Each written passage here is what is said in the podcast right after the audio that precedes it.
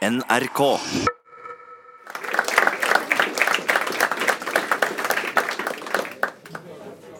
Har noen misforstått poenget med ytringsfrihet? Har alle rett til å si hva de vil, når de vil, og hvor de vil? Eller er det sånn at de som føler seg som ofre på ytringsfrihetens alter, har skapt et krenkelsestyranni? Har vi fått no platforming i Norge eller i Sverige? Eller har vi bare sørget for å holde folk utenfor med et grenseløst ytringsfrihetssamfunn? Med to svensker og en nordist til stede her, så er det naturlig å spørre hva svenske tilstander er for noe, og om, det, og, og om vi har det her eller i Sverige. Velkommen til den store debattklimadebatten her på Kokonomics sin siste dag. Mitt navn er Lars Helle. Jeg er sjefredaktør i Stavanger Aftenblad. Og jeg tenkte jeg skulle begynne med du som står i midten. Sten Inge Jørgensen, forfatter, journalist. Og du er også prosjektleder for noe som heter Hele Norge snakker.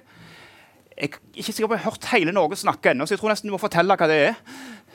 Det er et uh, prosjekt som uh, Morgenbladet og NRK og Dagens Næringsliv har uh, tatt initiativ til å gjennomføre i Norge, etter modell av noe Dit av den tyske avisa Dit Zeit gjorde i fjor i Tyskland.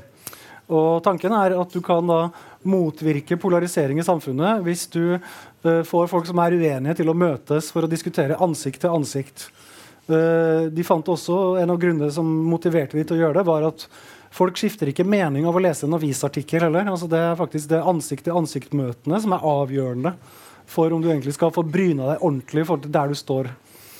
Og det De gjorde da var at de lagde et nettverktøy hvor du går inn og svarer på Opprinnelig var det fem politiske spørsmål. Nå blir det sju. Det er utvida modellen nå. Uh, og så ser du da ut fra hva du svarer på de sju ja-nei-spørsmålene, så får du en slags politisk profil. Og så er det dataprogram da, som kobler deg sammen med noen som bor i ditt nabolag. altså Du blir registrert på postnummer. Så finner du noen som er uh, så uenig med deg som mulig, som bor i nabolaget ditt. Og så får man hverandres e-poster. Og da, hvis man ønsker å møte hverandre, så avtaler man da et sted å møtes. Og oppfordrer jo da til en kafé. Et offentlig rom. da. Okay. Hvis jeg ville se på denne debatten, har jeg noen mulighet til det? Nei, det er jo noe av det vakre med det. At uh, det er uh, veldig uh, veldig folkelig. altså Folk organiserer det selv. Men det er klart altså, noen steder vil man uh, antageligvis da ha noen forsamlingslokaler, kulturhus og sånn, hvor folk som da ønsker å kanskje ikke være, være så privat, altså som kanskje syns det er bedre å møtes på et litt større sted, hvor det er flere debattanter. Og da er jo sikkert noen journalister der som vil uh, spørre om å få en prat. Er det begrensninger for det folk kan snakke om? Nei, det, jo, det, har du jo ingen mulighet til å kontrollere heller. Men det de får informasjon om, er hvilket tema de er uenige om, sånn at de har et utgangspunkt da, for å starte diskusjonen. Dette ble jo lansert med brask og bram i august på Arendalsuka, så vidt jeg husker. og Siden har jeg kikket både på DN og Morgenbladet og NRK for å finne hele Norge snakker, hele Norge snakker. Men det er jo ingen som snakker noe sted. Hvor er du i prosessen? Nei da, det, vi, er, vi, er, vi, er, litt forsinka. Det er veldig komplisert. og Det er mange partnere og mange tanker og ideer. og men uh, over nyttår, tenker jeg vi sier. Det ble òg lansert som et slags intellektuelt Tinder. Er det en presis beskrivelse? Nei, altså Det var en sånn uh, vits som Fredrik Solvang, han NRK-programlederen, tok uh, i debatten der. Jo, du må jo absolutt ikke være intellektuell på noe vis. det høres jo elitistisk ut, ja. ja. Det er det ikke meningen i det hele tatt. Altså. ja, det er for det, alle, alle, skal kunne delta okay, her. Altså. Og det er på nyåret? Så. Ja da, det kommer, kommer mer info. Hele Norge venter. Hele Norge, hele Norge venter. Hilde Sandvik, eh, forfatter og sjefredaktør for Broen XYZ. Det jeg kalte nordist. Det er jo et nordisk prosjekt, dette Broen-prosjektet. Eh, og Du er jo også tidligere kjent annet for å ha vært eh, kultur- og debattredaktør i Bergens Tidende. Denne uka delte du en sak på Facebook, fra, og det var et, en kommentar fra Göteborgsposten vi kommer fort inn på svenske tilstander. Forklar hvorfor, hvorfor du delte den, og hva det var der sto i den kommentaren. Nei, altså det er et, En gang i året så møtes eh, nordmenn og svensker eh, på noe som heter Torgny Segerstedt-seminar. Eh, der en skal da snakke om egentlig Norge og Sverige og dele ytrings, debattere ytringsfrihet i ånden etter den store redaktør Torgny Segerstedt. Og De siste årene jeg fikk ikke vært med på det som var nå, eh, men forrige gang var jeg med. Eh, så det som skjer, er at svensker blir mer og mer sjokkert over nordmenns syn på, det, på, på samtaleklimaet i Sverige. Eh, og en blir altså så ramlende sjokkert at en reiser fort hjem til sin egen redaksjon og skriver et opprop om eh, hvor ille det står nå til i Norge. Og Denne gangen så var det altså da kultursjefen i Göteborgsposten eh, som var rysta over det han kalte for en blåbrun konsensus eh, blant de norske deltakerne. Og der kan jeg si da at i de, de norske deltakerne så er det altså tidligere sjefredaktør i Klassekampen. Eh, der sitter Dagblad-journalister og redaktører. Der sitter Dagens Næringslivs-journalister og redaktører. De hadde da altså en blåbrun konsensus. Men det som jeg syns er det mest fascinerende, er at jeg, det er, heter seg at nordmenn vil være best. Dansker tror de er best, men svensker vet de er best. Eh, og når svensker vet de er best, så vet de at de har rett. Eh, og det er også denne Kulturredaktøren i Göteborgsposten han skriver da også at dette seminaret har nå for alvor vist meg at vi er på den rette vei.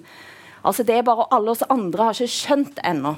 Er det dette som er svenske tilstander? Det er en av de svenske tilstandene. Jeg er litt skeptisk til å bruke ordet svenske tilstander, men en kan eh, kanskje snakke om det på, på den måten. Men det, det, handler, det er noe om et, et ytringsrom, og så er det noen store spørsmål. og det er, Spørsmålet er åsiktskorridoren i Sverige, som jeg tror er i ferd med å, å, sprenges opp på mange vis, men som jeg tror at det er svensker her i panelet som kan si noen ting om allikevel. Det er en del spørsmål, altså det er i innvandringsspørsmål, eh, feminismespørsmål, en del andre spørsmål sant, der en opplever at det er rett rette holdninger, og veldig mange holdninger da, som ikke er rette. Og Konsekvensen av det er jo dette totale kaoset du har sett etter det svenske valget nå, der en fremdeles surrer rundt og vet ikke hvor en skal ende ut med en regjering. Og Da må jeg spørre deg, Ann Heberlein. Du er forfatter og du er doktor i teolo teologisk etikk. og Du har vært spaltist i mange svenske aviser og ja. havna i klammeri med svenske aviser. og ja skriver nå iallfall på en uh, Alltid opposisjon, står det på leders, ledersiden SV. Precis, precis. Ja. Uh, og Du har kommentert uh, det som skjer i forlengelsen av det svenske valget og berøringsangsten med Sverigedemokraterna. Ja, precis. Uh, alltså, ja, det som jag upplever som det största problemet i det svenska debattklimatet är att jag menar att det finns ett underskott av intellektuella resonemang. Alltså, det finns ingen intellektuell hederlighet i det svenska samtalet. Utan den svenska offentligheten präglas av separatistiska tendenser. Det där började jag märka 2015 när jag blev inbjuden till sådana program som till exempel Studio 1 i radion eller Opinion eller Agenda. Att de fick ställa inslagen för ingen ville sitta i samma studio som Ann Heberlein. Därför man vill inte legitimera mig fordi at du har vært litt kontroversiell i innvandringspolitikk? Ja, altså, men, jag, jag, tror inte att, att så många i Norge hadde tyckt att jag var kontroversiell, men i Sverige var jag det då. Jag är inte det nu. De åsikterna jag hade 2015 är inte kontroversiella idag. Men eftersom jag hade det för tidigt så är jag fortfarande kontroversiell så att säga. Eh, jag tycker att, att, att Intellektualitet det handlar om att kunna ifrågasätta, att vända och vrida på saker, att inte vara tvärsäker. Men i Sverige så är man tvärsäker på en hel del saker. Man är till exempel på att biologi inte har ett skit med kön att göra. Alltså allting är bara konstruerat. Man är tvärsäker på att tiggeri är en väldigt bra sak. Att alla, alla som pratar om organiserat tiggeri, de ljuger till exempel. Man är också tvärsäker på att alla som går omkring i burka har valt av egen fri vilja och så vidare. Så det finns ett antal, jag skulle kunna fortsätta räkna upp här olika saker som det råder total konsensus kring i det jag kallar den första offentligheten. För det är det som jag tycker är mest intressant nu. Att jag ser väldigt tydligt att i Sverige så växer det fram en andra offentlighet på nätet. Och det irriterar den första offentligheten ofantligt. Därför flera av oss som skriver i den andra offentligheten har ganska stort inflytande. Och, vilket jag tror retar dem allra mest, vi tjänar också pengar på det. Så i Sverige har man nu etablerat ett begrepp som man kallar swish-journalister. Jag såg här att det fanns något som heter VIP. Det är när man skickar pengar med sin telefon, ja, eller hur? Ja. ja. Mm. I Sverige heter det Swish och då är vi ett antal skribenter som skriver och lägger ut alla våra saker helt gratis på nätet. Vi gör poddar, eh, vi gör små filmer på Youtube och så vidare. Och vill folk så får de bidra, för det är ju vårt arbete. Så folk betalar dig via... Folk betal precis. Då swishas det in pengar eller via Patreon. Och detta retar ju upp fast anställda journalister något fruktansvärt. Ja. Og Fredrik Virtanen her, han var en fast anstelt journalist, og han var den første offentligheten i mange år. Profilert kommentator i Aftonbladet fram til i ganske nøyaktig ett år siden. Da skjedde det noe i, i, i Sverige. Du, ble et, uh, du havna midt oppi metoo. En av de første profilene der. Du har òg vært et program om deg, Oppdrag granskning, som har vært vist på NRK. Mange har sikkert sett det og vet hva som har, har skjedd med det. Men kanskje du, du, skulle ha vært på et annet debattmøte i, i, på Kokonomics og fortalt om dette tidligere i dag, men uh, det var litt flykaos. Så nå kan du dra forsamlingen litt gjennom det du har opplevd det siste året. For du mista jobben din. Ja, det var ju ett år sedan exakt. Det blev ett, en person på nätet hävdade att jag hade förgripit mig på henne för många år sedan. Och det var utrett av polis och nedlagt. Men hon gick ut med det här och i metoo-drevet så det var ju väldigt lynchig stämning då i Sverige. Ehm, så skrev även media eh, till sist, riktiga media, så tog det här nätskvallret och satte det på fint gammalt papper och på internet och så vidare. Og, det, og Netskvalleret var ting som du skulle ha gjort for mange år siden, som du verken var tiltalt eller dømt for, eller noe som helst? Men Nei, inget som helst. Jeg var ikke dømt for noen ting. Og når du skulle flykte med familien ut av Sverige for å få litt fred og ro, så kom det en løpseddel fra Ekspressen? Exakt. Just på den morgenen når vi skulle fly landet, så eh, valset Ekspressens løpseddel opp med, med navn eh, på meg. Og det, det trodde nog ingen skulle hende, for det er en pressetikk vi ikke har i Sverige. Navn viser man muligens på noen oerhört känd person om den är dömd. Här fanns ju ingenting sånt. Så det är en väldigt eh, eh, tråkig historia för mig, men eh, tråkig för många vis också för media i Sverige. Och här snakker vi om journalistik eh, då, som drabbade mig. Dålig journalistik. Men var, var det noe med metoo som gjorde det vanskelig å ha alternative standpunkter?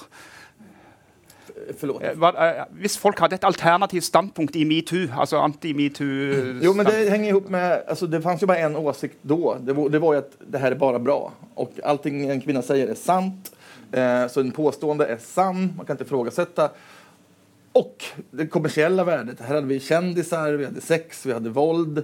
Eh, det var en otrolig vinstapparat for de svenske medierna. Eh, allihopa. Som tjänar mye penger på det her. Og eh, tröskade dag ut og dag inn. Eh, andra kom ju väldigt, råkade väldigt illa ut också. Eh, eh, sen fick jag, Aftonbladet och jag skildes åt efter det där. Dette har du også skrevet en bok om. Mm, jeg holder på. Ja. Så, men i Sverige vil ingen gi ut den. Det, ingen forlag i Sverige vil gi ut boken din? Nå har det hørt av, sen jeg berettet det her, så har det hørt av seg litt små forlag. Men de store eh, har vært, har vært tveksomme. Så det forlaget som skal gi den ut, det er eh, Norskt. Ja. Gloria. Ja. Eh, så ja, Norge er mitt nye hjemland. Kjetil Rollnes, du har vært i uh, kampens hete i mange mange år og uh, blitt plassert både her og der, men ofte i noe som kalles for Facebook-Høyre. Du har en åpen... Plassert i det ekstreme midten. Den ekstreme midten. Det er ganske presis beskrivelse. Du, jeg kunne ikke sagt det bedre sjøl. Uh, eh, men uh, du også, har jo òg observert akkurat disse debattene. Innvandring, feminisme, metoo og sånne ting. hva syns du om debatten i Sverige og debatten i Norge på disse områdene? Altså, Jeg trodde jo at ting var blitt litt bedre i Sverige. Jeg synes Det har vært noen tegn i innvandringsdebatten på at det har blitt, blitt bedre. Man tør å vise statistikk om voldtekt og, og sånne ting. Til og med i, i, i Dagens Nyheter.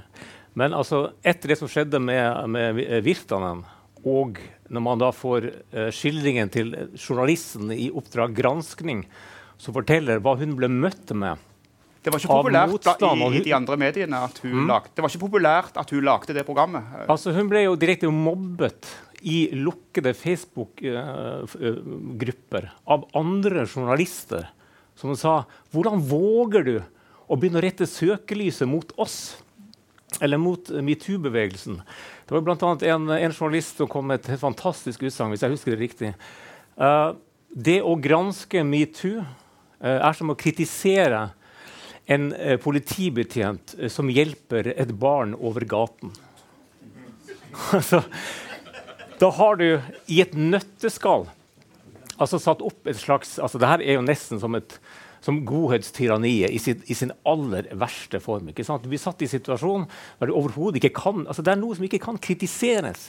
Og man hever seg over altså Man ønsker ikke at en journalist skal gjøre jobben sin. Og eh, disse avisene mener også at de, eh, de, kan uh, identifisere en påstått uh, voldtektsmann. Og uh, de kan også bruke anonyme kilder uten engang å sjekke sannhetsgehalten i det de sier. Det kan de gjøre fordi at saken er så god at helt alminnelige demokratiske prinsipper ikke lenger gjelder. Og det syns jeg er, er, er, altså, det, det er skremmende Men, Men- eh, ja. men er det forskjell på Norge og Sverige? I, er, det, er, det, er det annerledes i Norge på, på dette? Ja, ja, ja. Altså, det har, norske metoo-håndteringen var jo mye bedre. uh, først og fremst fordi den ikke gikk så hardt på enkeltpersoner.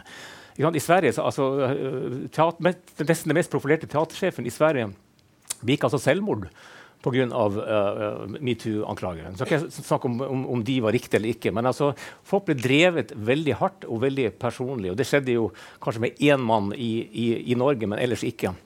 Heberlein? Ja, nej, men alltså, du, du sätter lite fingret på det som, som är ett stort problem i svensk debatt.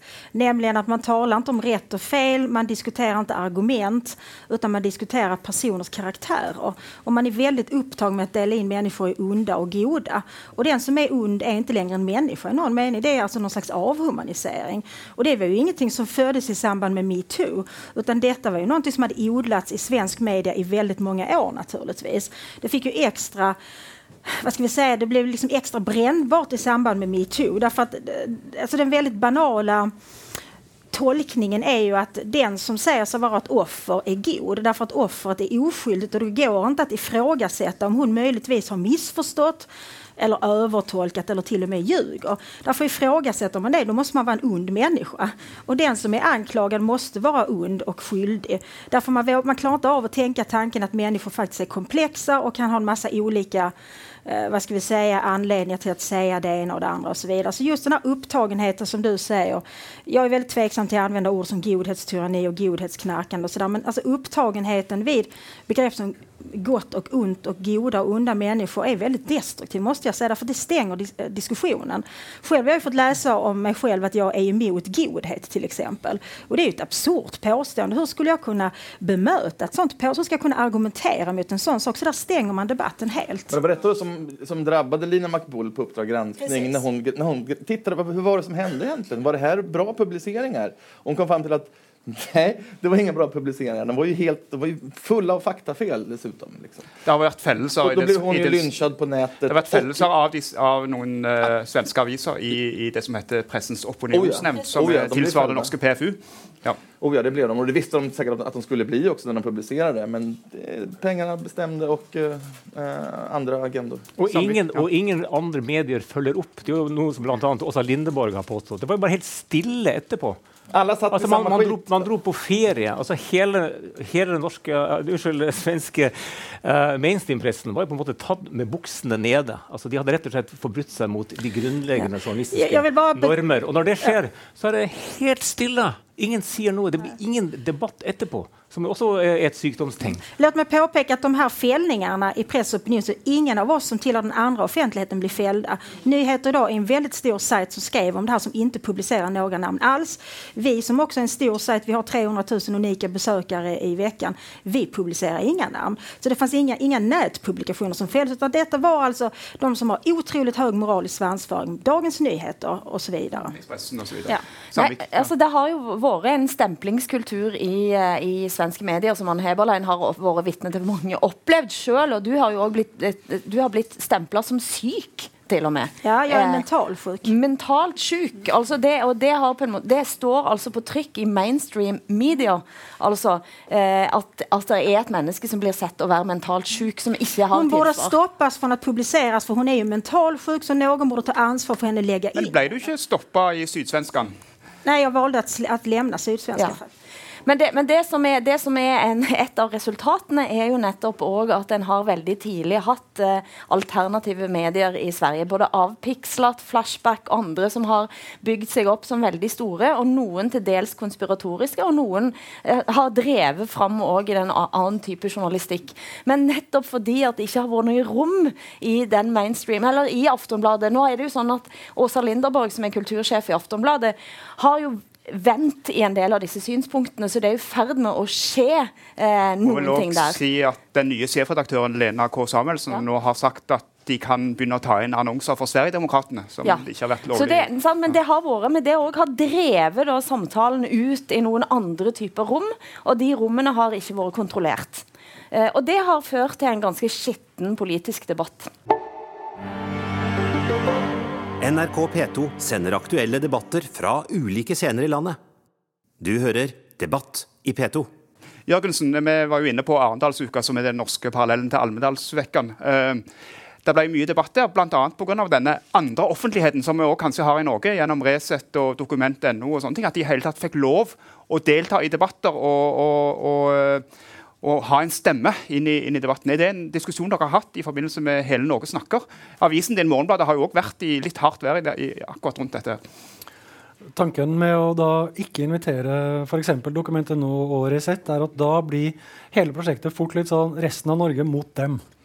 Altså, de er såpass kontroversielle og såpass synlige med da, uh, meninger som kanskje er på et avgrensa felt, at da risikerer du også at det blir sånn en debatt som kan knyttes til innvandring. Veldig fokus på det. Og det var det viktig for oss å unngå. Vi ønsker at vi skal snakke om ulv. Altså, ting som vanlige folk er opptatt av. Uh, og vi er gjerne bompenger er vel et tema uh, Det er ganske aktuelt ja. i denne regionen. Ja. Ja. Og folk er altså, kan være like rasende på hverandre i de debattene som dere da vet her i regionen. Og uh, det må ikke være på innvandringsfeltet. Så jeg tror at vi hadde begrensa oss veldig hvis vi hadde gått inn i et sånt samarbeid. Ja. Men Morgenbladet er altså like fullt i stand til kort tid etter at man har lansert dette prosjektet om at hele Norge skal snakke, og dette høres veldig demokratisk og åpent ut, så klarer man altså å henge Jan uh, Bøhler opp til tørk. Fordi at han har gjort den store forbrytelsen å stå og lytte til en eh, demonstrasjon om ytringsfrihet utenfor Stortinget. Eh, og der man feilaktig skriver en overskrift Eh, støttet, hva det, støttet Gert Wilders, som også var en total uh, misvisende framstilling av hva den demonstrasjonen handlet om. Altså, det var ikke bare sånn et, et sånn, uh, altså ytringsforbud, det var liksom et lytteforbud. Man får ikke engang stå og å lytte til andre snakke. Altså, norske, skal ikke du skal nødvendigvis stå og forsvare Morgenbladet her, men det er bare et eksempel på at selv de som ja, skal vi åpne opp her, skal alle snakke, de, de kan komme med sånne helt rabiate journalistiske utspill. du kan få forsvare Morgenbladet hvis du vil, men uh, uh, jeg, tror nok, jeg tror nok ikke du vil eh, finne at Morgenbladet-reaksjonen syns at det var et sånn fantastisk fint oppslag. At det kom så veldig bra ut. Not our finest moment. Jeg tror, jeg tror, ikke du vil finne så mange som mener det. Nei. Men det er, det er allikevel et eh, ganske sånn det, det, er dårlig tegn. Da. Jeg er redd for at vi kommer til å få stadig mer av sånne no platforming-debatter. Og så, og så rasler de av gårde i noen mindre medier nå. Det, men Kan du forstå liksom, at folk snakker om no platforming? Nei, men altså, jeg var, på, jeg var ikke så lenge siden på et radioprogram eh, på P2 eh, med en eh, som jeg ikke skal nevne navnet på, fordi han er ikke her og kan forsvare seg, men en representant for en, en av de unge intellektuelle som nå skal inn på scenen og bidra i alle disse debattene. Og han sier at min generasjon har funnet ut at ytringsfriheten ikke gagner oss. Punktum. Eh, altså det, det, hjelper, fordi at egentlig der er ikke reell ytringsfrihet. fordi det er jo bare hvite menn på 50 som liksom får lov til å stå og snakke. Og ergo så er det ikke reell eh, Han nærmer seg 60. Sånn, nærmer seg, nei. nei, nei, nei. Og, og, det betyr da Derfor vil vi da nekte noen å stå på en scene for det er vår, vår, ytringsfrihet å nekte noen å komme inn på denne scenen. Jeg synes Det, altså, det er så det, altså, og irriterende. Det där, så är det ju i Sverige i väldigt hög utsträckning naturligtvis. Att det skrivs en massa högstämda texter på kultursidan om att nu måste vi försvara yttrandefriheten och därför måste vi förbjuda folk att säga de här sakerna. Alltså, och det, är också liksom, det finns också extrema moralistiska övertoner i detta. Eh, kommer du ihåg vad han hette, den här rapparen som skrev en låt om att våldta spädbarn? Väldigt obehagligt naturligtvis. Det är ingenting som jag på något sätt bejakar. Men vi måste också, alltså i yttrandefrihetens namn så måste vi stå ut med satir. Vi måste stå ut med det vulgära, det fula, det äckliga. Liksom. Därför vem ska sätta de gränserna? När vi börjar begränsa på det sättet så har vi stora problem. Så den svenska debatten är hysterisk skulle jag vilja påstå. Men, men, ja. Vi kanske ändå ska säga, vilket Hilde väl var inne på, även Kjetil kanske, att alltså, det har ändrats mycket i Sverige de senaste eh, fyra åren. Eh, ungefär. Innan dess var det väldigt eh, nej att diskutera vissa frågor från fel håll. Eh, ofta inblandning, eh, brott, eh, tiggeri och så vidare. Sen har slussarna öppnats väldigt mycket, mycket tack vare eller på grund av nätets eh, kraft. Att alla, de var ju där då och sen har vi mainstream media här. Och sen handlar det om makt såklart. Men nu har vi ju sen tre, fyra år tillbaka. Vi har ju Göteborgspostens eh, ledarsida till exempel. Vi har Svenska Dagbladets eh, ledarsida som är ganska, låt oss kalla det radikaliserade åt höger. Liksom. Eh, eller liksom moderater. Så det, det, har hänt väldigt mycket i den, de frågorna, alltså den typen av värderingsfrågor. Så att, vi kanske pratar om Sverige som ändå har utvecklats, dock ej, alltså feminism och så vidare, metoo, där, där är just nu konsensus at det prater vi ikke riktig om her. Liksom. Nei, og Dette kjenner jo du igjen, for du har jo vært en del av den første offentligheten som lederskribent i Sveriges største avis, Aftonbladet, i mange år skrevet om feminisme og sånne ting. Og, og, og, hvordan, og, eh, LO har jo en viss innflytelse og eierskap i Aftonbladet og peker vel også ut politisk sjefredaktør. Ja, men Mange mener jo at Aftonbladets lederside var vel noe som pekes ut som den her eh, filten som, som brennmerkte folk osv. Med, med, eh, med stor rett, får jeg si. De, deler det. Min del var at jeg skrev en gang i uka. Liksom. Ja. Men, men det, men det I många år, Fredrik. Ja, och det är ganska ja. bra också. Ja. Och det var en väldigt aktiv twittrare. Jag minns till exempel hur glad du var när Marcus Birro inte längre kunde försörja sig. Nej, det var inte alls. Jo, det var det. Nej, det, Marcus, är en myt. Den, tweeten finns kvar. Du har i mycket hög utsträckning varit en del av detta själv. Du har varit väldigt, nog, väldigt glad för att brunstämpla människor. Det kan du inte komma undan nu. Det får du stå för faktiskt. Nej, det tycker jag inte men du kan ändra åsikt. Okay. Det respekterar jag om folk gör. Men du har väldigt hög utsträckning. Så länge du själv satt säker på en fast tjänst han få fullføre. Men bare saksopplysning. Mark Markus Birro han var spaltist i Ekspressen mm. og måtte slutte fordi han Han åt lunch med en Sverigedemokrat. Ja, han spiste lunsj med en Sverigedemokrat, ja. og da var det vanskelig ja, for Ekspressen. Da fikk han sparken. Ja. Expressen sa at det berodde på at han hadde kritisert Expressen i och för sig. Nej, men det som hände Markus är ju jättetråkigt. Och, ja, fast han klarar sig väldigt bra. Ja, ja, ja, Och Gud må förlåta mig somliga rader i mitt liv. Herregud, jag har skrivit tusentals krönikor, så det är säkert många som har varit över gränsen och så. Eh, men det handlar om det. Det var säkert så. Det det här handlar om makt liksom. Och eh, Aftonbladets ledarsidas linje, de, eh, det tror jag att eh, den här PK-linjen är ju äkta. De tror ju på den. Eh, sen tror jag också att många... PK politiskt korrekt. Ja. Mm. Eh, sen tror jag också många är väldigt gnälliga. Det är väldigt gnäll. Men de, eftersom du hoppar på mig, kan hoppar på dig också. Eh, alltså, även högern är lättkränkt i Sverige. Liksom. Man tycker att, bara för att de får ett mothugg så säger de att de anklagar mig. Jag skriver inte om personer, jag skriver om sak.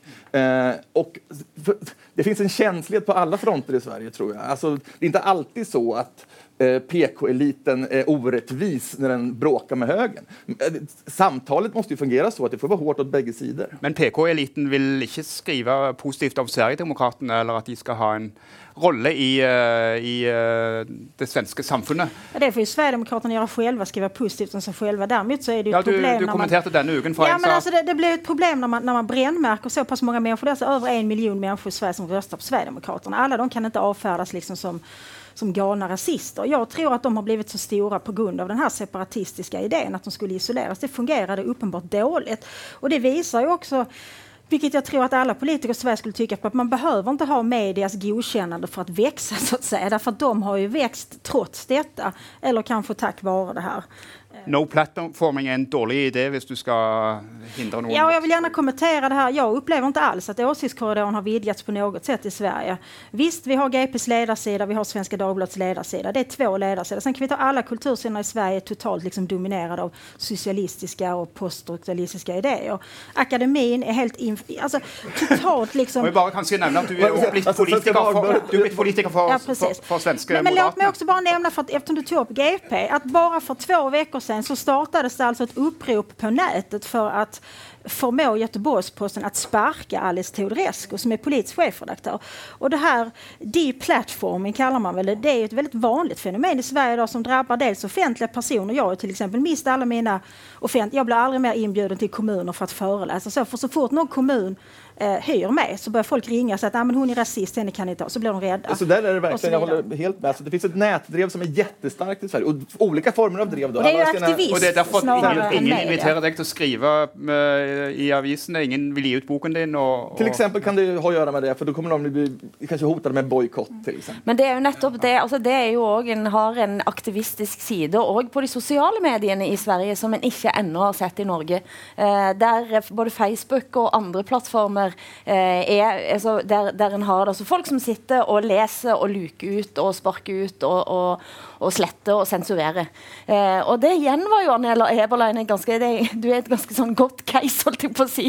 Altså, du var jo også vitne, altså, du opplevde jo f.eks. at en crowdfunding-kampanje for en bok som du ønsker å skrive, ble tatt ned av crowdfunding, eh, med, med, med, mm, der det står at dette er hate speech, dette er hatprat. Og det du ville gjøre, det var å gjøre det som egentlig mange tradisjonelle medier nå faktisk har gjort, undersøke forholdet mellom voldtekt og opphavsland. Eller opp, ja. Og den ble da tatt vekk for, for at den ble påstått å være ja, hat. Holnes. Ja, altså Det er jo noe som jeg synes bør inn i, i, diskusjonen her. Altså Hva som skjer på nettet med sensur og helt konkrete forsøk på å få de store aktørene til å styre hva som ytres. Altså, hvis jeg skjønte riktig, så har representanter for den svenske regjering hatt møter med Google, eh, Facebook og, og Twitter eh, om eh, å intensivere altså, eh, eh, altså få bort såkalt hat, hatytringer og løgner. Hvem skal bestemme? Altså, hatytringer er liksom vanskelig nok. Altså, det, det, har jo nesten blitt hva som helst. ikke sant? Og løgner. altså, hallo, Det er ingen, det er ingen politisk instans som kan sitte og bestemme hva som er løgner. ikke. Det, det må selvfølgelig opp i en, i en offentlig debatt. Og, og, hvis jeg også har skjønt riktig, så har, eh, så har eh, representanter for, for uh, svenske, de store svenske medier hatt uh, møte med de samme, de samme store, store, altså Google, Facebook osv. Og, og, ville, og ville at, skulle, at, at Google skulle endre uh, sine algoritmer sånn at uh, sånn at uh, søk, altså, alternative medier ikke skulle komme så, være så høyt renket på, sø, på søk. Ikke sant? Altså, hvis man går inn sånn og ønsker altså, at de, den alternative offentligheten skal liksom få ikke, skal, ikke, skal ikke konkurrere på samme vilkår som andre, de skal liksom få et handikap instituert politisk. Det er jo helt håpløst. Men, ja. Men det ska inte bara ska skylla på en slags PK-grej, utan det här handlar om pengar också såklart. Så de tar ju trafiken, de här sajterna, eh, från de gamla medierna som har svårt att överleva trots en jättestor högkonjunktur just nu. Och eh, så måste ju ännu kvartalsrapporterna vara blå. Liksom, du, du, du, har jo sagt det at eh, kommersielle hensyn bestemmer mer og mer av hvordan de etablerte mediene Ja, og, låter, och, och då hänger det ihop med nettet igjen. For at om en redaksjon en redaktør ser at oi, det her er hett på nätet det skriver vi! För då behöver man inte jobba, man bara skriver av någonting, man kanske knappt behöver kolla det, man gör det lite bättre paketerat, så blir det en story om det. Så att sociala medier skjuter egentligen etablerade medier framför sig nu för tiden. Och det beror mycket tror jag på journalisternas eh, tidsbrist och pressade arbetsmiljö också. Alltså jag tror inte journalisterna trivs med det här själva. Jag tror de hatar vad de måste pyssla med. Jag gjorde det. Eh, massa saker man ska göra, till att redigera själv. Otroligt stressigt jobb. Och då är det lätt, och sen cheferna vill ha det som klickas bra och det finns på nätet. Så den där alliansen är väldigt, väldigt farlig. Du er òg ofte ute og refser norske medier for at de ikke tar tak i ting eller, ikke, eller svarer med taushet på viktige debatter. Det, tror du at det er sånne hensyn som styrer norske medier? Altså at det er klikk og abonnenter som, som betyr noe? Uh, ja, men altså, jeg kan ikke helt skjønne at man, at man får flere klikk ved å være politisk korrekt. altså, fordi at uh, Nei, de, andre, altså, de, andre, mediene har jo, har jo, blitt populære fordi de skriver om ting som de andre mediene ikke skriver om, eller skriver om på en måte som de andre mediene ikke skriver om. Men de tjänar inga pengar tyvärr. Eller mm. tyvärr. Pengarna kommer inte in där för det är heller svårt. Ingen annonsör vill ändå synas på de här sajterna riktigt. Så liksom, Men vilka sajter de här, pratar de? De här aggressiva eh, nya höger... Eh, eller oh, de har ju jättesvårt att gå ihop, gå ihop, få, gå, få det att gå ihop också. Ja, vilka, menar du, nej, men, är det någon nej, som alltså, frodas? Nej, nej, nej, men alltså, det, det, det, här är ju typiskt sätt som det som jag kallar den första offentligheten försöker racka ner på som tillhör den andra offentligheten. Att säga att vi är blåa eller brunblåa och det ska smetas hit og dit. Liksom. Det, alltså, det faktum att, att man har samma vad ska vi säga, publiceringsform, det är väldigt stor skillnad på den sida jag skriver på, på Kvartal eh, och på en sån sajt som Avpixlat eller vad det nu heter, den här Nya och fria tider och allt vad de heter. Så det går inte att jämföra. Det är helt olika former av sajter. Bara ett exempel liksom för att verifiera det du säger, Fredrik, när du sa det här att, att sociala medier nu skjuter liksom etablerade medier framför sig. För några veckor sedan så avslöjades en stor skandal i Sverige, nämligen att ett antal tjänstemän på Utrikesdepartementet hade skrivit ett upprop upprop för att slippa eh, arbeta ifall eh, typ det blev en regerings, eh, ett regeringsskifte. Det skulle kunde noen voksne i rummet. Ja, precis. Det kunde inte garanteras att eh, Wennerfors lika värde skulle, skulle respekteras. och jada, jada. De hade helt liksom missförstått sin roll som tjänstemän. Det var vi som avslöjade det. Vi har en redaktion som består av tre personer som arbetar med detta på vår fritid, mer eller mindre. Varför i helvete avslöjar inte Dagens Nyheter det, som har massvis med fast anställda journalister? Sen plockar de upp nyheten när vi hade avslöjat det. Och det är så fungerar det väldigt mycket, att, att liksom enmansredaktioner på nätet gör liksom stora avslöjanden som etablerade Etablerar stora, som där. med. De är lata och dumma. Överbetalda. Hi- Hilde, vi skal gå litt videre i debattklimaet, for, for det handler om litt andre ting enn enn- enn- enn den Och posisjoneringen. stressade vill jag ändå lägga till. Det är lite synd om det. Din tidligere kollega i Bergens Tidende, Trine Eilertsen, sa i Aftenpodden for noen uker siden at du var ekstremt et, eh, irritert over at, eh, at den offentlige debatten i større grad ble preget av at det manipuleres med sitater og utsagn tolkes feil, helt bevisst, for at du skal oppnå eh, eh, din sak, eller for at du skal komme fram til et forutsigbart standpunkt, som bidrar til litt det du var inne på, Rolnes, at, at eh, folk blir plassert på det ene og det andre. Du ser det kanskje i norsk politikk akkurat i dag, i, i den debatten som pågår rundt Kristelig Folkeparti. Ja, absolutt. Og det er, det er, det er, det er blanding av journalisme og det som skjer med klikk altså på nett, som er forferdelig irriterende. Og du så det ble plutselig en kjempedebatt om denne stakkars veganeren som, som var ute og, og sa at uh, i en eller annen bisetning om, om at norske barnesanger uh, driver Bæ, bæ, lille lam. Bæ, bæ, lille lam driver sånn pushing mot Men altså, Og så er det sånn så kaster en seg på det, og så blir det en kjempedebatt. Og jeg tenker i sånn eh, diskusjoner om ekkokammer osv. Det er jo mye bedre at folk kommer ut og sier det de mener, og får snakke ordentlig om det. Så får ta en diskusjon der. Men det som ofte skjer, er at det kommer en stakkar da har sagt noe i en bisetning, og så hogger en til på den bisetningen. Og så har en ikke noe mer refleksjon rundt det. Og der tenker jeg, der har Trine Eilertsen fullstendig rett. Altså, hvis, du, hvis du bare du mener det rette, så kan du nærmest tillate deg hva som helst. F.eks. å vri på et utsagn om barnesanger. Ja, det er nettopp det. Og det der, det der å vri på utsagn, det har journalister drevet med i all tid. Politikere har og andre debattanter, da. Fordi det har, en har lært, for en har lært å gå til skole, en har hatt konsulenter og alt mulig. Som bare, som det er òg medienes feil? Ja, men altså, jeg mener at vi har en stor, har en stor skyld. Eh, fordi at en har nettopp drevet på å spisse ingresser og titler, og alltid gå litt for langt. En ser det nå i diskusjonen om Nasjonalmuseet, som er, som er kjempestor diskusjon i Norge i, på kultursidene. Eh, og der er det eh, fordi at Lars Elton, som er kunstkritiker, skriver da en ekstremt heftig kritisk artikkel, så han, kommer alt til å handle om tittelen. Eh, og det, og, og Han angrep vel direktøren han, han, for Nasjonalmuseet angrep direktøren og sa at hun var kunnskapsløs osv. Men så ble tittelen en spissa tittel som han ikke kunne stå inne for. Og i stedet for at det blir da en diskusjon om innholdet i den kommentaren, så kan direktøren avvise hele problemstillingen med at dette er dårlig retorikk. Hun ville ikke ned på det nivået. sa enda mer, hun sa sa at det var et personangrep. Ja, sjikane. og da kunne hun være såret og krenket på sin egen Men hele landet oppfatta det som et personangrep. Men det var Men tit, altså, hvis du fjerner den tittelen, putter den, en annen tittel på den som han hadde selv tenkt, eh, og hvis du da leser innholdet, så tenker jeg at her er det ganske mange faglige ting å diskutere, som kultursidene bør plukke opp, men det gjør en ikke. En, en, og kultursidene bare tenker at ja, men dette handler om personkonflikt. Hvis du kritiserer en, en, en leder for en stor kulturinstitusjon i Norge for å ha dårlige kunnskaper, er det et eh, personangrep? det er i alle fall et angrep på ja, Selvfølgelig er det ikke det. det, er, det altså, du går, selvfølgelig retter du en finger mot en person, men det er altså en egenskap ved den personen Ikke egenskap engang. Det er noe Det er den personen har sagt, har sagt og gjort. ikke sant? Har referert jo til konkrete ting som har vært før, bl.a. Uh, at hun har lagd denne utstilling med dronning Sonja ikke sant? i uh, Festspillene i Bergen. Så det var jo, det var jo uh, altså belagt med eksempler, og, og liksom, derfor mener jeg at du er ingen god direktør. Det må jo selvfølgelig en direktør greie å tåle uten å bli krenket og så ikke ville snakke til media. bare drive på sin egen Så, så Facebook. Nor så Norge gikk med andre ord god, glipp av en god debatt der. Ja, fordi en går glipp av en god debatt fordi at en spisser det inn på det en tenker er det mest sexy. Eh, og det er mest sexy, det går fort over. Det vet vi. Snakk for deg sjøl!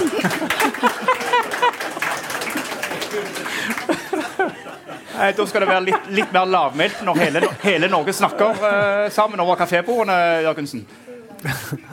Det, jeg tror det kan eh, gå sikkert noen som blir ganske hissige der også.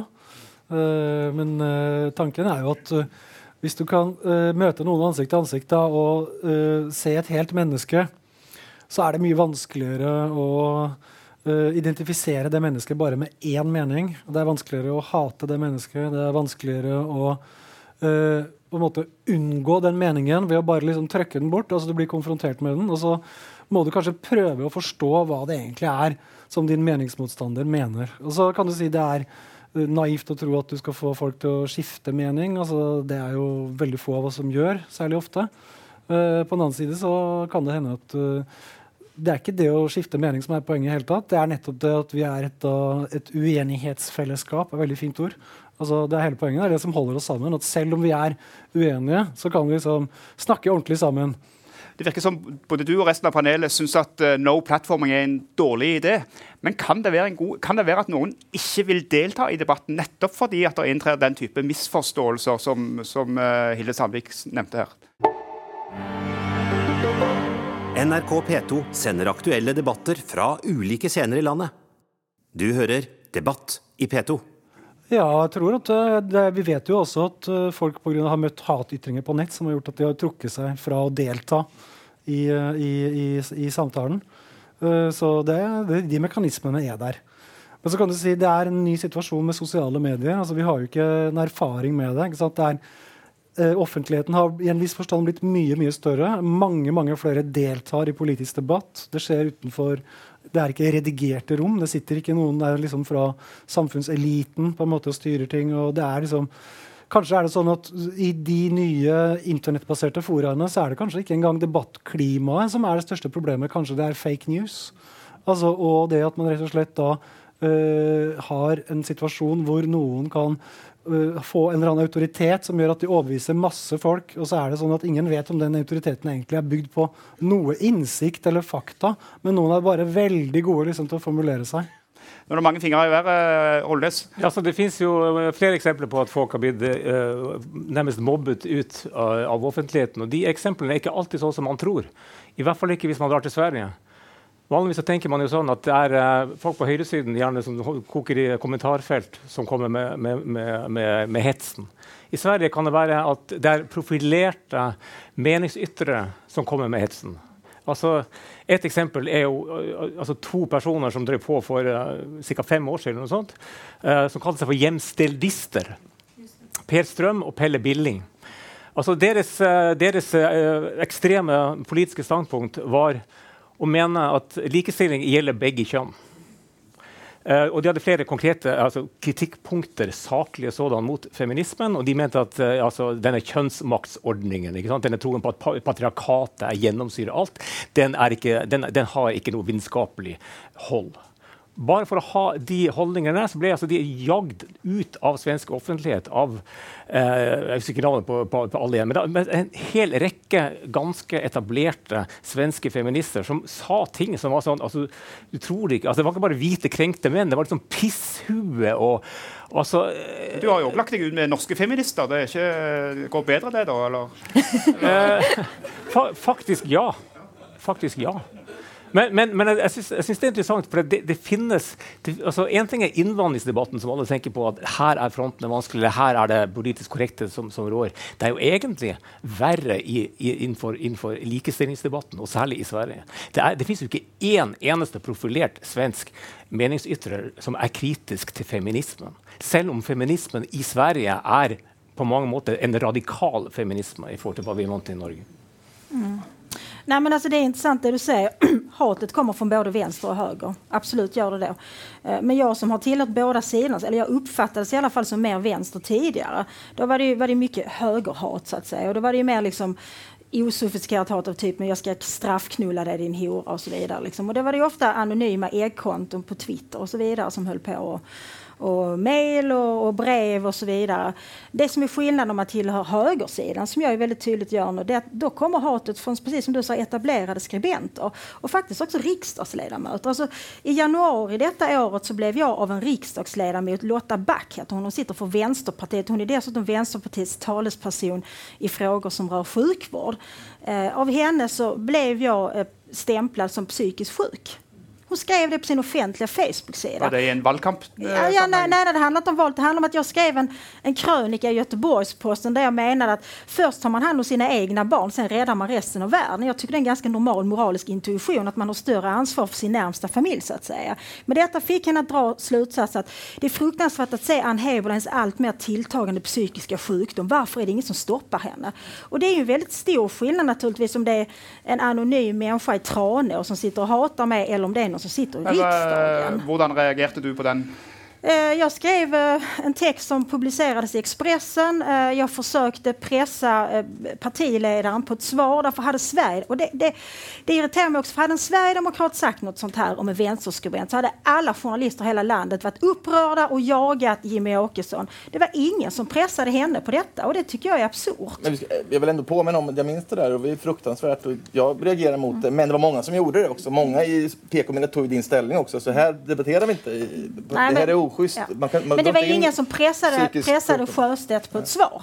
Jeg Jag, vill, jag, jag tänker ändå att det, för som han säger, som alla säger, hatet kommer ju, alltså gör man någonting offentligt nu för tiden, Då får man räkna med hat. Och det gör ja, man. från nätet, Ja. högerhatet och vänsterhatet. Um, och då ska vi inte komma ihåg yttrandefrihet, absolut. Men gammalmedia har ju också ett ansvar att ändå allt som går att skriva på nätet går inte att skriva i media. Jag vill bara, jag, ändå, jag vill ändå undersöka den meningen att det är viktigare än någonsin att riktiga medier håller ordning på etiken. Liksom. Eh, så inte blir som metoo till exempel. Och det får inte heller bli att man fryser ut folk dessutom. Men det kan inte bli nätslöddrets eh, ord eh, kan inte bara få ramla in i spalterna. Ja, eh, sånn. Ja, nei, eh, det, jeg, jeg tror det, det er jo et poeng, og det har eksempel faktisk da, når av og til vist eh, faktisk som undersøker da en del eh, Faktisk punktum mellom, ja. som, eh, og, og en av de siste sakene nå som surrer rundt, var jo det at det var, en, var noen som påsto at en, Nav hadde finansiert en hel haug med iPhoner til, til somaliske familier, eller hva det var for noe, som, blir, som er selvsagt ikke sant. Eh, men det har fått lov til å spre seg alt mulig, og det er jo en sånn den type medier Det kommer ikke i det, mainstream media. men det bør jo også faktasjekkes, fordi det blir spredd så ekstremt masse. Eh, men, det, men, men en av grunnene tror jeg, til at det har blitt sånn i Sverige, er at den svenske presseetikken er også annerledes enn den norske.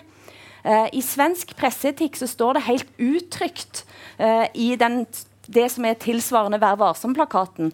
At eh, du, skal, du skal aldri nevne en persons etnisk opphav, religiøs tilhørighet, kjønn, legning etc., etc., etc., med mindre det er veldig viktig for saken. Og Det betyr jo at det er enormt mange saker der man ikke har benevnt. Altså Det er det blitt gjort sketsjer med. Men jeg tror at det òg på mange måter har lamma svensk journalistikk lenge. Fordi at en har en så, også, en har en så sterk paragraf. Og det har jo vært et av dine Ja, problemer. ja, alltså jag, tror, jag tror att du har helt rätt i det. Det har förlamat svensk journalistik. Att vissa frågor har man inte kunnat ställa, vissa problem har man inte kunnat belysa. Vi har valt att istället för att diskutera problem har vi diskuterat väldigt länge. Kan man tala om no-go-zoner eller inte? Det är ett dåligt begrepp och så vidare.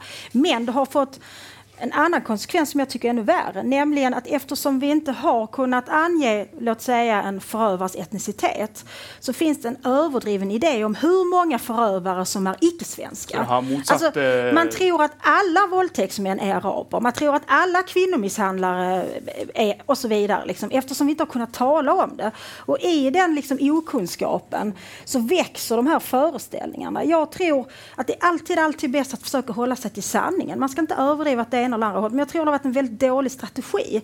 Därför detta har ju också precis som som ni säger båda två, egentligen det har ju blivit en grogrund för den sortens sajter som Avpixlat som ju lever på överdrifter naturligtvis och på att hänga ut eh, personer. och Alltså så. avpixlat då som är att pi- pixla av bilder, det er där Precis, namnet kommer precis, ifrån. ja. Kongenialt namn. De, de heter inte det längre va? Det kanske de inte gör. Nei, det heter noe annet nå. Samhällsnytt. Samhällsnytt, just det. Ja. Holnes bare må. Problemet er jo at uh, man anser noen sannheter for å være den typen som kan misbrukes politisk. Precis, det er hatfakta. Ja, altså det, altså det, det, det er jo et eller annet Jeg tror svenskene til og med at dere har et bra begrep for det, hvis jeg husker riktig. Altså konsekvensnøytralt nøy, Ja, det, et, eh, det er et begrep som svenske redaktører bruker ofte, ofte, men som vi norske redaktører aldri har hørt om. Eh, Det er et begrep som de har i Sverige, men som de ikke overhodet etterlever i Sverige. Altså, vi det er det som er det- morsomme. Exakt. Eh, og i Norge har vi ikke, kjenner vi ikke til begrepet. Men altså, og vi har jo også hatt eh, i Norge også et eksempel på at uh, til og med Vi hadde en SSB-sjef uh, nylig som jo sa direkte på Dagsnytt 18 at uh, statistikk og forskning som potensielt kan ramme grupper det måtte man være skikkelig forsiktig med. SSB, altså Norske statistiske ja. sentralbyrå. Ja. Som er jo et klart eksempel på det motsatte av konsekvensnøytralitet. Som da handler om at uansett hva uh, fakta kan brukes til, så skal fakta fram. Det må være en kjerne eh, oppdrag for akademia og for journalistikk. Og hvis du bryter den, så, så, så, så er, er, du ute på en sånn slippery slope som, er, som, som ender ut i, uh, i noe veldig sørgelig nå. Det er jo på veien i Norge òg, som du òg har vært opptatt av. Eh, når eh, en forsker får beskjed fra instituttleder at en ikke skal uttale seg til Resett. Eh, sant? Eh, og det, tenker, det var svenske tilstander for min del. Eh, nettopp det at Du skal ikke uttale deg til sider som, som du ikke kan stå inne for alt som, som om at vi har stått inne for alt det som mainstream media har skrevet. Men altså, det er jo en sånn når, Men, men det var ikke bare det. det var jo at det var, Vedkommende sto ikke for de rette verdiene, Nettopp. som er enda verre. nesten. Mm. Mm. Og litt av det Du nevnte svensk presseetikk og norsk presseetikk. Det er litt forskjell av det, men også svensk lovgivning, som Sveriges Televisjon viste til i partilederdebatten, når de måtte ta avstand fra Jimmy Åkesson, et Jimmy Åkesson-utsagn.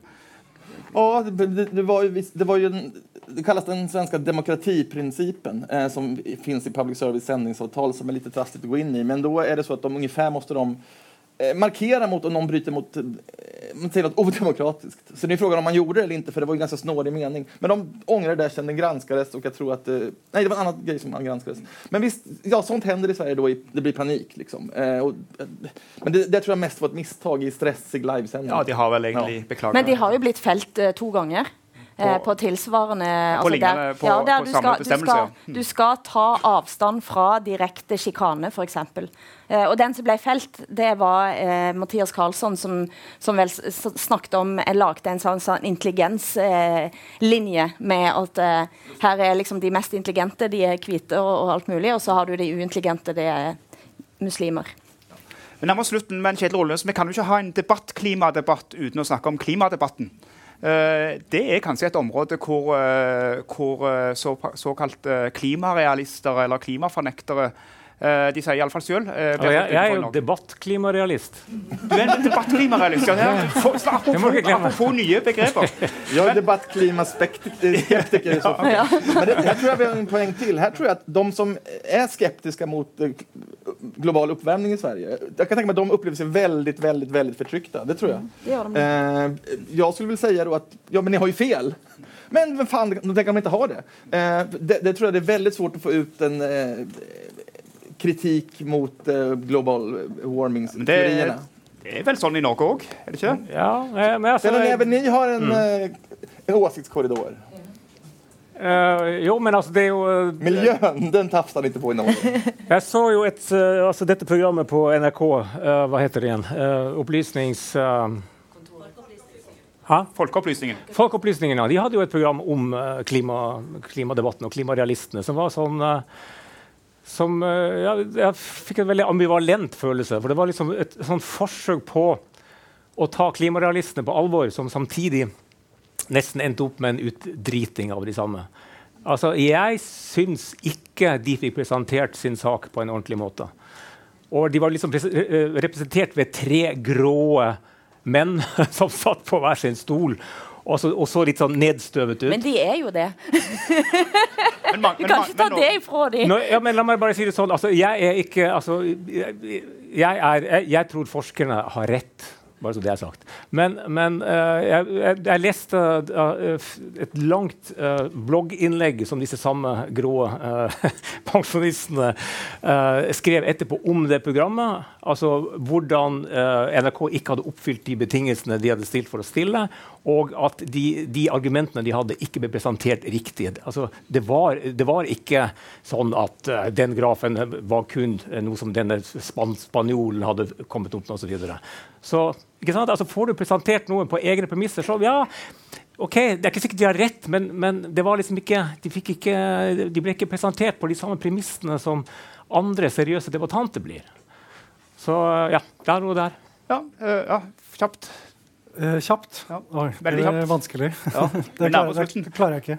Ja, Prøv igjen. Okay. Ja, det. eh, jeg synes det var veldig morsom, uh, apropos den klimadebatten. Da, så, da uh, EUs energipolitikk, altså Norge skulle tilslutte seg fjerde energimarkedspakka i vår, så er jo det da fordi man skal utjevne sant, forskjellige værforhold rundt i Europa og lage felles nett, så vind og sol og, sant, kan fases inn og brukes mer effektivt.